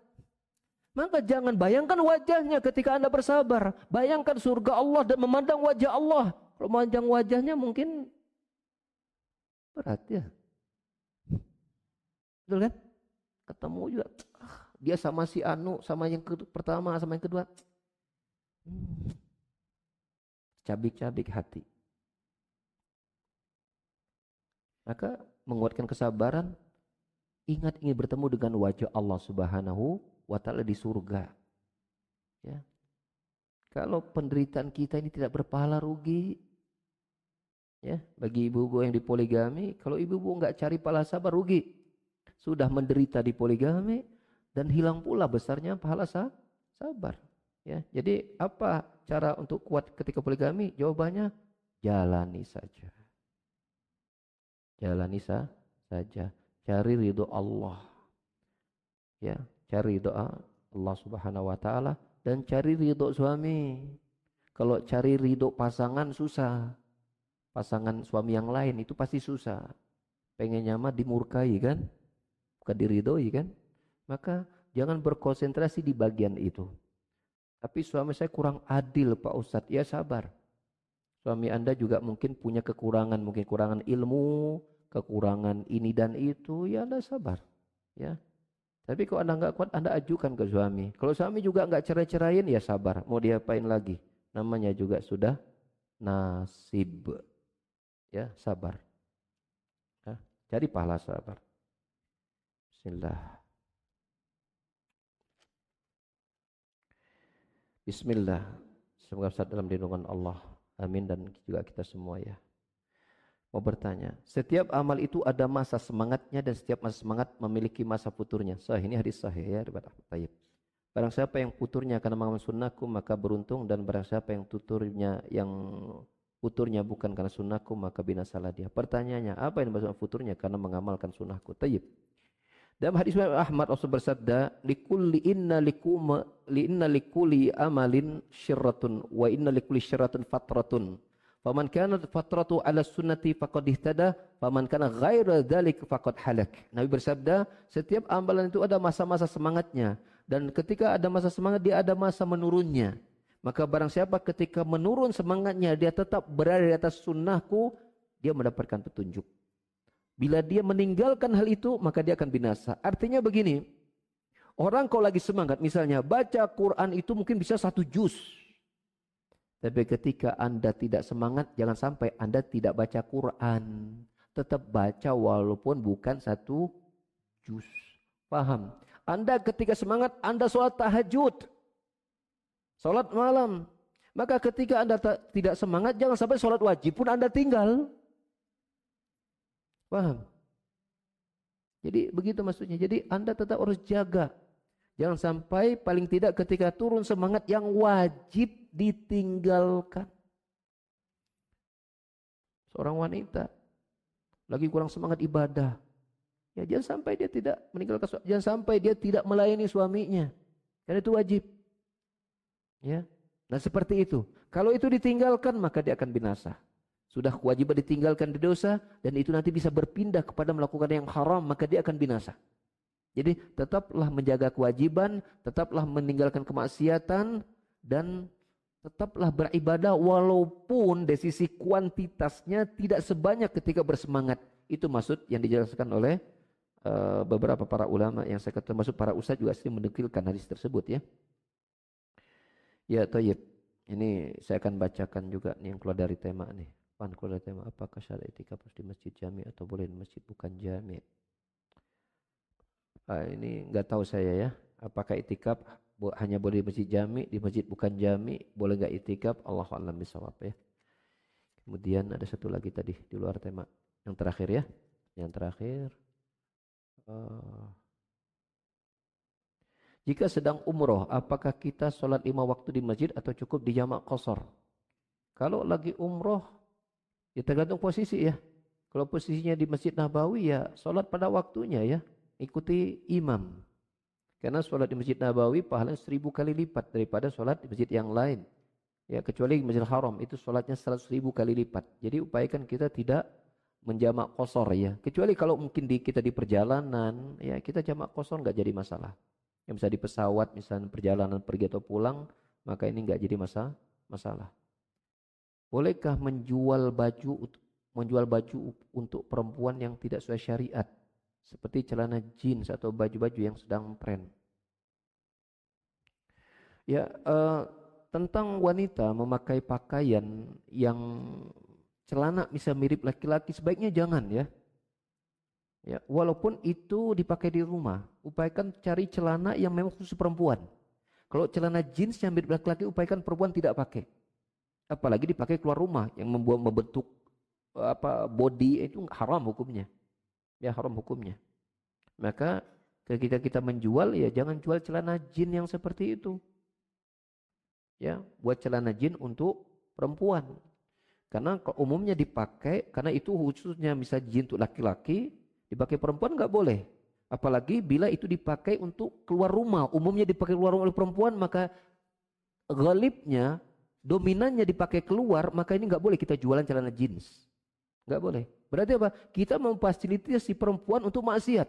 Maka ini nggak boleh. Kalau yang lagi tren ya tergantung. Trennya apa dulu? Ya, ada tren yang seperti misalnya itu boleh dipakai perempuan dan tidak maksiat nggak masalah. Tren bukan patokan dia boleh dan tidak, tapi melanggar syariat atau tidak. Kalau walaupun tidak tren melanggar syariat tetap ya nggak boh, nggak boleh. Jadi menjual celana jeans untuk perempuan sebaiknya dihindarkan. Ya, jualah pakaian-pakaian khusus perempuan saja ya. Kalau anda laki-laki ya anda jualnya untuk laki-laki saja. Jualnya untuk laki-laki saja dan ke perempuan sebaiknya ya jangan ya. Karena itu nanti akhirnya dipakai oleh perempuan dia nggak pakai dan itu mirip laki-laki misalnya dan dia pakai keluar rumah berarti kita memfasilitasi dia menampakkan auratnya kan seperti itu. Cari dagangan yang lain. Dagangan masih banyak bala-bala masih banyak yang belum jualan Ya, jual bala-bala boleh. Anda dapatkan sehari satu ton kan udah jadi bandar juga Anda. Tergantung Anda marketing. Ya, gitu. Tapi enggak soal pasien, enggak enggak sesuai passion, Ustaz. Ya cari yang kadang-kadang jual itu enggak sesuai pasien, yang penting butuh. Orang beli, Anda butuh, yang butuh, Anda jual. Itulah pedagang. Jadi pedagang tuh enggak harus jual berdasarkan passion. Yang penting ada konsumen, Anda jual. Itulah Anda pedagang.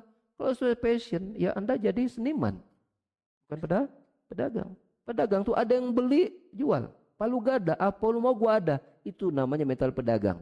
Jadi jangan matok harus satu ini. Enggak apa-apa. Anda mungkin jualan bisa harus bisa banyak ragam. Pagi jualan bubur, apalagi bu, jual bubur bisa naik aji kan? Betul nggak? Pagi jualan bubur, siang jualan bak, siang jualan mungkin jualan apa? Eh, online mungkin jualan makanan. Sore Anda jualan apa? Bisa sehari Anda punya bisnis tiga. Tinggal atur waktu. Yang penting mau dagang nggak itu masalahnya. Kalau Anda nggak mau dagang, Anda milih-milih dagang. Kalau dagang udah milih-milih, padahal harus dagang gitu kan. Modal pas-pasan, udah modal pas-pasan, dagang milih-milih lagi. Allah. Mesti anda buat apa pokoknya dagang. Ada yang mau dijualin barang, mana baju muslimnya? Sini, saya jualin, dapat duit. Enggak perlu modal. Modal itu urusan ke, urutan kesekian. Kata orang sih, bukan kata saya. Kan sekarang banyak loh orang yang punya barang yang jualin nggak ada. Karena orang kadang-kadang kok nawarin tuh kayaknya gengsi gitu. Nawarin kayaknya harga diri kayak kurang. Berarti eh, mentalnya perbaiki, belajar untuk belajar sabar berdagang. Ya kan, bermanis muka, biasanya buka tuh senyum harus Pak, silakan Pak, ini barang bagus. Kayak merendahkan di padahal tidak. Padahal tidak. Karena memang berdagang itu butuh kemanisan muka, kebagusan kata-kata, merendah, tawadu. Oh ini Pak barangnya nggak terlalu bagus Pak, tapi harganya cukup lumayan. Ini barangnya agak beda Pak, harganya agak tinggi karena kualitasnya bagus. Bapak bisa harus bagus, menjelaskan dengan yang baik isi produk knowledge-nya kan begitu kan? Jadi jangan matok di satu barang dagangan. Kalau saya bilang tadi jeans itu, ya baik jeans pakai S atau tidak pakai S itu bermasalah, Anda jangan jual. Ya Anda jangan jual. Cari dagang yang lain. Ya, saya kira pakaian banyak ya, pakaian muslim banyak ya, untuk perempuan untuk laki banyak ya. Ya. Ya, berusahalah. Memang usaha itu kan nggak mudah, apalagi di zaman pandemi kemarin banyak yang terganggu usaha, tapi bersabarlah. Teruslah berdagang, teruslah cari rezeki yang halal sampai Allah mengambil nyawa kita. Jangan kita takluk dengan penderitaan dunia kita jangan. Kita masih punya Allah. Kita surga masih menanti kita. Jangan kita sia-siakan penderitaan dunia kita ya dengan kita berbuat maksiat kepada Allah Subhanahu wa taala. Demikian para jamaah sekalian, semoga materi kita kiat sabar ini ya dapat kita praktekkan terutama nanti Ramadan nanti. Semoga ketaatan kita melesat tajam, semoga kemaksiatan kita jauhkan sejauh-jauhnya dan setiap penderitaan selama kita berpuasa kita hadapi dengan tidak berkeluh kesah dan terus harapkan pahala dari Allah Subhanahu wa taala. Jazakumullah khairan wa barakallahu fikum. Subhanakallahumma hamdika asyhadu an la ilaha illa anta astaghfiruka wa atubu. Wassalamualaikum warahmatullahi wabarakatuh.